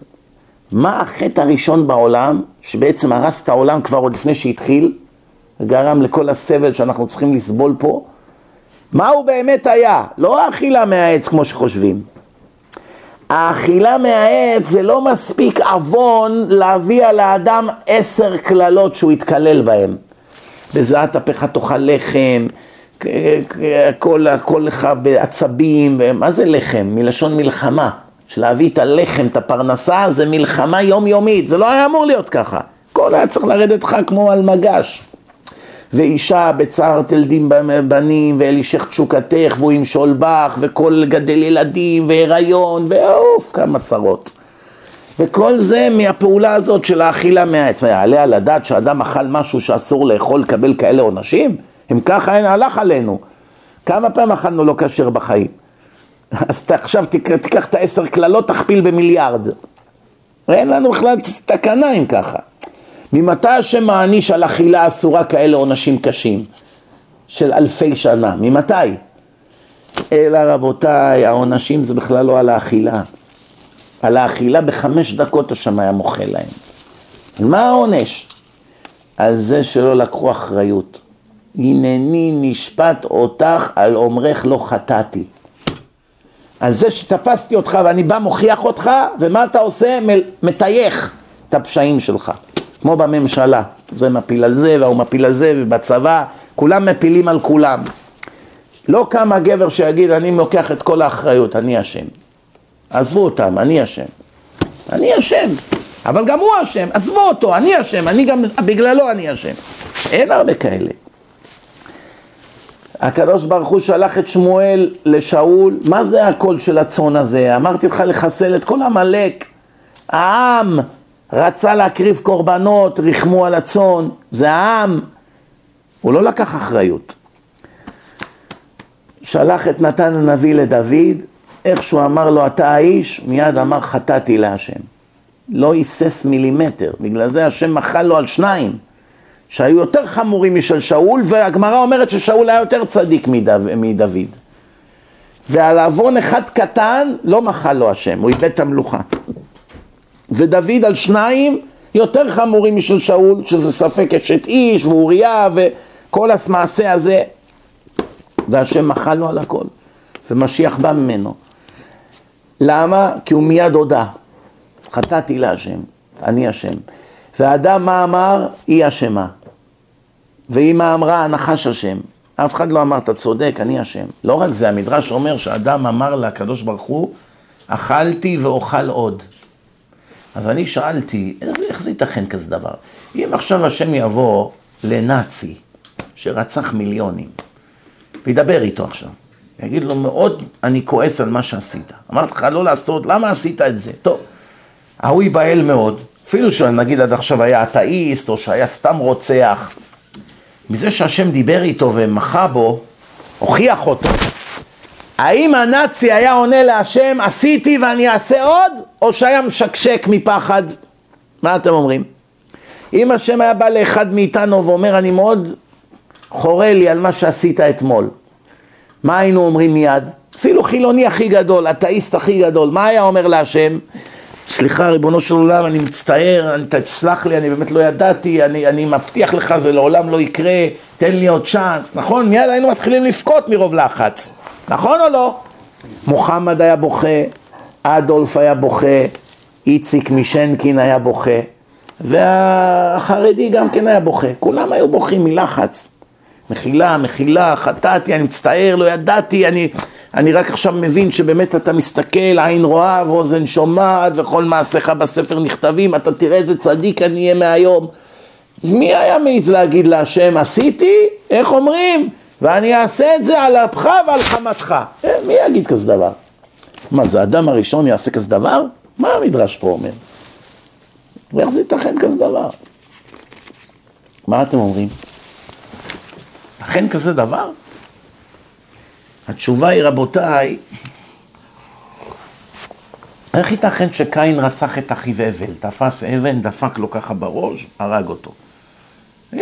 על, על פשתן וצמר הם רבים. אז הוא קינה בו שהשם קיבל את הקורבן שלו. על דבר כזה הורגים אח? עבריינים בשכונות בארץ, אלה עם האקדחים לא הורגים אחד את השני על כאלה דברים. קין והבל, הוא יהרוג את אחיו. אלא לא היה עדיין את הממד של היראה ולא היה ההבנה בעונש. לא, לא היה את המושג הזה עדיין. אדם הראשון, מה הוא ידע מהחיים שלו? השם ברא אותו, הוא נברא עכשיו, בסדר, השם נתן לו בינה, הוא קרא לחיות בשמות, הכל טוב ויפה. אבל מבחינת עכשיו, שהוא עכשיו עונה להשם, הוא לא הבין בכלל מציאות כזאת שהשם יעניש אותו. בחיים שלו לא ראה כזה דבר עונש. לא היה מודע למציאות כזאת שאני חצוף וכפוי טובה וכולי. אני אעשה עוד, כן, מה, מה, למה מה? כאילו, איך אומרים בארץ, למה מה תעשה? קין, הוא בחיים שלו לא ראה בן אדם מת. איך הוא יודע שעכשיו אם תיתן לבן אדם מכות על הראש, פתאום ירד לו דם ותצא נשמתו? מה, הוא ידע מה זה? זה באמת מה שהמדרש אומר, הוא, הוא טען טענה, הוא אומר, אני לא ידעתי שאם זה שאני אכה בו הוא ימות. מאיפה אני אמור לדעת שהוא ימות ויישן ולא יקום? זאת אומרת, היה להם איזה מין פתח פתחון פה, אבל על מה השם הקפיד? על הכפיות טובה. על הכפיות טובה, אני נתתי לך כזו אישה שתטפל בך, תעזור לך, תנעים לך את זמנך וכולי, יחסי אישות, כל מה שאתה מחפש. רק טוב צריך לבוא לך ממנה, ומה? ישר אתה אומר זה אשמתך, זה זאת שנתת לי. הרי אתה שמח. אם הייתי אומר לך לפני זה, אתה רוצה שאני אקח אותה, אותך ממך, מה היית אומר? לא, מה פתאום? תשאיר. אבל עכשיו שיש את מי להאשים, מאשים את אשתו. אתם יודעים למה האדם הראשון האריך ימים, לא? הוא חי 930 שנה. 70 שנה הוא תרם לדוד המלך, רק מתושלח חי יותר ממנו, 969 שנים. האדם הראשון האריך ימים כי לא היה לו חמה. לא היה לו אימא של אשתו, וזה שבלבל לו את המוח, תסכסך. גם לא גר איתה, כן? בקיצור, רבותיי, בקיצור, וייצר השם אלוקים את האדם עפר מן האדמה. זה פסוק חשוב מאוד. ויפח באפיו נשמת חיים, ויהי האדם לנפש חיה. שלושה פעולות. ברא אותו כמו בובת חול, אחר כך נפח בו נשמה, ואז הוא נהיה חי. ואיך אדם מת, בקהלת כתוב, והנשמה תשוב לבעליה כי הוא נתנה, והגוף ישוב לעפר כי ממנו לוקח. בדיוק הפוך. הנשמה יוצאת, הגוף נופל, חוזר לעפר וכולי. דווקא מכאן רואים שאדם שמת צריכים לקבור אותו בעפר. הגוף ישוב לעפר. לא ישימו אותו בצנצנת. הנה, הלכתי פעם לאיזה מקום, אחד אומר, אבא שלי כל רגע מסתכל על המדף. אני חיפשתי תמונה, אמרתי, אין פה תמונות של אבא שלו. למה הוא כל רגע אומר, אבא שלי, my father, ומסתכל ככה, עושה ככה. בסוף אני אומר לו, למה אתה מסתכל שם כל הזמן? הוא אומר לי, זה אבא שלי, פה מראה לי צנצנת של אפר בפנים. שרף את אבא שלו, שם אותו בסלון. הבנתם? לו שהוא היה קטן. אני יודע מה קם בו. בקיצור, אז אתם שומעים, אז הוא, אז, אה, אז מה אנחנו רואים מכאן? כתוב, "ויפ- ויפל השם אלוקים תרדמה על האדם וישן ויקח אחת מצלעותיו ויסגור בשר תחתנה, עשה לו ניתוח. ויבן השם אלוקים את הצלע אשר לקח מן האדם לאישה. ויביאה אל האדם, ויאמר האדם, זאת הפעם עצם מעצמיי, ובשר מבשרי, לזאת יקרא אישה, כי מאיש לקחה זאת. למה קוראים לאישה? אישה היא באה מהאיש, אוקיי. על כן יעזוב איש את אביו ואת אמו, ודבק באשתו, והיו לבשר אחד. התורה כבר אומרת לך, ביום שאתה מתחתן, אין יותר אבא, אימא, מוצי פוצי. יש לך אישה, היא קודמת לאבא ולאימא שלך, ועזב את אביו ואימו, ואביו ודבק באשתו, והיו לבשר אחד. זהו זה, אשתו כגופו. והיו שניהם ערומים, האדם ואשתו, ולא התבוששו. הם לא מתביישים. למה? עוד לא נכנסה בהם בינה, הם לא אכלו עדיין מעץ הדעת. אדם אין לו דעת, איך אומרים? אין דעת, אין מכאוב. אדם ככל שהוא לא יותר יודע דברים, יש לו יותר כאבים. למה אני לא כזה, אבל אם הוא לא יודע כלום, איך אומרים בארץ, אנא אהבל, לא יודע כלום. אז הוא לא יודע שום דבר, אז לא, אין לו מספיק על מה לבכות. ככל שהוא משכיל, הוא יותר מבין על העולם. מרבה דעת מראה מכאוב, מרבה מכאוב. אבל תראו מה זה, מה כתוב כאן? אומר, ברגע שהם אכלו מהעץ, עץ הדעת, מה הפעולה הראשונה שהם עשו? מיד לקחו עלי תאנים ועשו לעצמם חגורות כדי להחביא את הערווה. זאת אומרת, הם התביישו. ממי? אדם לא מתבייש מאשתו, אישה לא מתביישת מבעלה. מתביישים מהאנשים האכזריים, אבל בעל ואשתו מתביישים, מה? תאר לך עכשיו אומר אדם, אומר, מה, למה אין לך ילדים? אני מתבייש. אני מתבייש מאשתי. אז בשביל מה התחתנת? מה? מיד היו יודעים שאדם כזה יש לו סעיף פסיכיאטרי, כן? אז ממי הם התביישו?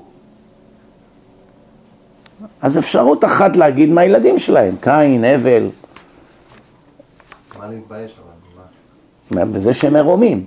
אה, מה, ההורים רוצים להסתובב ליד הילדים עירומים? זה אחד. דבר שני, אתה יכול להגיד, כאן עוד לא היה קין והבל, הם רק ייוולדו אחר כך. בשלב הזה עוד לא היה ילדים להתבייש מהם. אז ממי הם התביישו? מהחיות. אני אשאל אותך שאלה. נגיד אדם עכשיו, הוא נמצא במקום עם הרבה בעלי חיים, ועכשיו הוא הסתובב שם ערום, נגיד שהוא באיזה אי, אין אנשים. או שהוא התבייש מהקופים ומהפילים ומהכלבים וכל מה שמסתובב שם. מה אתם אומרים? על. האמת, במציאות זה, זה בושה. בכלל, זה אדם, ש- דרך אגב, אדם אפילו לפני השם צריך להתבייש. הלכה אפילו שמחליפים בגדים צריך מתחת לשמיכה, כן, לנהוג בצניעות, בבית הכיסא אפילו. זאת אומרת, היהדות היא מאוד מח- מחמירה על עניינים כאלה של לבוש וצניעות וכולי. אבל מה כן? הדבר היחיד שאני רוצה שתזכרו בעניין הזה הוא הכי חשוב מכולם, תזכרו טוב, שדעת, אדם שיש לו שכל, זה ניכר בשני דברים. שני דברים. מה הם? חוכמה ובינה. בינה. דעת זה הכי חשוב, כי הגמרא אומרת, דעת קנית מה חסרת, דעת חסרת מה קנית. אם אין לך דעת, אין לך כלום. לא משנה, יש לך חוכמה, בינה, זה לא משנה כלום. אם אין לך דעת, אתה כלום. אם יש לך דעת, אתה הכל. יש לך הכל. אז אה, השאלה היא, מה זה הדעת הזאת, שכל כך זה חשוב? היכולת להעביר את כל מה שלמדת על ידי חוכמה ובינה ולתרגם את זה למעשים. משמע להתגבר על התאוות, על היצרים, איזו הגיבור הכובש את יצרו, זה נקרא בעל דעת. מי שאין בו דעת אסור לרחם עליו, כתוב בגמרא. צריך להשליכו לכלבים, יש הרבה ביטויים חריפים מאוד נגד אדם שאין בו דעת. אז השאלה, כתוב גם שהקדוש ברוך הוא נותן דעת למי שיש בו כבר דעת. יעיב חוכמה לחכמים ודעת לבעלי דעת וכולי, זאת אומרת כל... שני סוגים של דעת. או, לא, לא, אז מה הנקודה? מה זה הדעת הזאת? מה הפעולה הראשונה שקרה לאדם האדם וחווה איך שהם אכלו מעץ הדעת? מיד הם התביישו, בושה. בושה זה סימן לחוכמה. כשאתה רואה אצל הילדים, תסתכל איזה ילד הוא ביישן. לקחת ממתקים, או כל מיני דברים, אז תראה שלילד הזה יש יותר חוכמה. ומה החלק השני? יש עוד משהו שמראה על חוכמה. בושה, ומה הוא? עוד משהו, פחד. ראשית חוכמה, יראת השם. כשאדם יש לו יראה, אפילו יראה מן העונש, והוא לא עושה פעולות מסוימות, זה מראה שהוא חכם. גם אצל הילדים תראה את זה. יש ילדים קופצים גדרות, קופצים מלמעלה, מגלגים, לא יודע מה, עושים כל מיני שטויות. זה מראה שאין להם הרבה שכל. פתאום יש את הילד השקול, הוא חושב עשר פעמים, מה יקרה, לא כדאי, תקפוץ, זה, כולם צועקים לו, הוא לא קופץ. למה? הוא יותר חכם מהם, הם כולם ראש קש. הוא ראש חושב. אם אני אקפוץ, אני אשבור את הרגליים, אני אהיה משותק, אבא שלי יכעס, הוא חושב על הכל. זה סימן שהוא חכם. אומץ, הרבה פעמים זה טיפשות. אומץ, יש בו שני דברים, או שזה טיפשות גמורה, או שזה ביטחון מלא בהשם. תלוי מאיזה צד זה בא. אם זה בא מביטחון בהשם, אז אדרבה. אם זה בא מטיפשות, אז מסכן האדם הזה. בטח הוא רץ, מסתער, הוא לא חושב, מטומטם. תגידו לי, אני אשאל אתכם שאלה. אתם אומרים, משה רבנו היה לו ביטחון מלא בהשם, או שהוא היה פחדן? מה אתם אומרים? אחד שדיבר עם השם, איך אומרים? כמו אב ובן. דבר איתו, פנים בפנים אדבר בו. לא קם עוד נביא כמשה.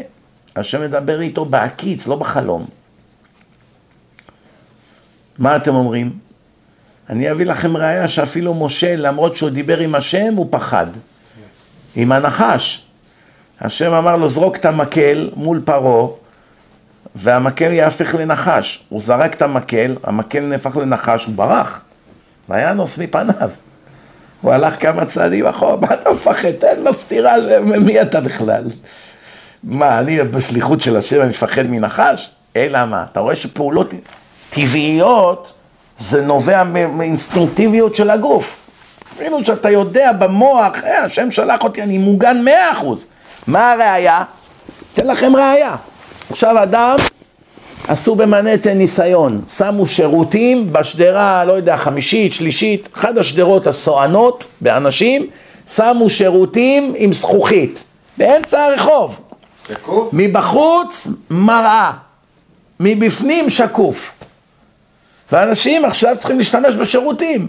עכשיו האדם יושב, מתיישב על האסלה, הוא רואה מיליון איש באים מולו. אנשים מהצדדים וזה, חוצים. הם לא רואים. הם לא רואים, הם רואים מראה. אבל הוא יודע שהם רואים מראה, הסבירו לו. השכל הוא יודע, אף אחד לא רואה אותו. אבל פתאום באה איזו אישה אחת ככה, הוא בא יושב על האסלה, הפשיל את מכנסיו, הוא בא עכשיו, הוא צריך לעשות את צרכיו, מחילה מכבודכם. פתאום איזה אחת עושה לו ככה, עם איזה סדר, עכשיו הוא יודע שהיא לא רואה אותו. היא רואה, היא גם לא מתבייתת עליו, מסתכלת על עצמה. אחד לא הצליח לעשות שם את צרכיו. מה אתה רואה מכאן? אינסטינקטיביות. זוג עיניים מביטות בו, הוא מפסיק לתפקד. אין. אדם בזמן פחד, הוא לא יכול להשתמש בשירותים. ויש הפוך, יש אנשים שמרוב פחד כל חמש דקות שירותים. שני הטיסות, נכנסים, שירותים, אוקיי, יוצאים, שירותים. שירותים. זה משפיע על האדם, בלי, בלי, בלי שאין לו איזה שליטה. למשל, יש הרבה אנשים, יש להם פאניק אטק, anxiety אטק, לא יודע איך קוראים לזה בעברית, אה, התקפו- התקפי חרדה. אבל יש לזה כל מיני... מאיפה זה בא לי, אומר? מה, אני מאמין בהשם, אני שומר מצוות, אני זה, אני, אני בוטח בהשם שהפרנסה למה אני כל הזמן בחרדות? כל הזמן הם חרדות. יש דברים שמשפיעים על האדם שהם נובעים מתוך התת מודע שלו. אבל אה, יש, יש עוד הרבה להגיד על הפרשה הזאת, עוד לא התחלנו אפילו לגעת בגרגיר. זה צריך לפחות מינימום מינימום 300 שיעורים כדי לכסות רק את הפרשה הזאת. כמה יש, חז"ל אומרים, כמה שתהפוך בה בפרשה הזאת, יותר תתבלבל. זה אחד הפעמים היחידות שהחכמים לא ממליצים יותר מדי ללמוד את זה לעומק. כי אתה רק תבוא לבלבולים ושיבושים, כי זה סיפור בריאת העולם. והרוב נעלם מן הספר, הכל פה בראשי פרקים. אנשים חושבים, הם מבינים, רואים פה. מה, מי זה היה הנחש הזה הקדמוני? מי הוא היה?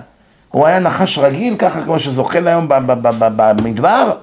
או שזה היה איזה יצור רוחני, הוא מדבר, באיזה שפה הוא דיבר עם חווה? איך ייתכן שהוא התאווה לחווה מבחינה מינית? מה, הנחש רוצה לקיים יחסים עם אישה? מה זה כל הדברים האלה? מה זאת אומרת שהוא אומר לה כל מיני דברים, תגיעי בעץ, תראי שלא יקרה לך כלום, פתאום זה, האם זה היה שטן? האם זה היה באמת נחש? איזה מין נחש זה היה? נחש עם רגליים? השם קצץ לו את הרגליים כמו שכתוב, אז היום הוא נהפך לנחש רגיל שזוחל, אבל איך הוא דיבר? הוא דיבר איתה בשפה באמת לשון הקודש, כמו האתון של בלעם, או שבטלפתיה, או שזה היה השטן מדבר מגרונו. אה, אתם יודעים כמה ספרים נכתבו רק על הנחש ועל חווה? להבין את המיסטורי פה? הפרשה הזאת לא סתם, מלבד זה שהיא 1400 שנה, היא הפרשה הכי מסובכת להבנה. אבל מה שיפה, כשמשיח יבוא, אנחנו נבין את כל הסודות של כל הדברים האלה, הנפלאים האלה. מה זאת אומרת, איך השם עשה ככה, ומה זה הבדיל את המים, ומה זה התנינים הגדולים, ומה זה סוכת אורו של לוויתן לעתיד לבוא, איך מלוויתן השם יעשה לצדיקים, מה זה כל הדברים האלה? כשאתה קורא, אתה מבין אחוז מזה, אתה לא מבין הרבה, אבל פתאום הכל יתברר. ואני אומר לכם, המתיקות של זה תהיה פי מיליארד יותר מתוק מדבש. רק שנזכה להיות שם, ברוך אדוני לעולם, אמן ואמן.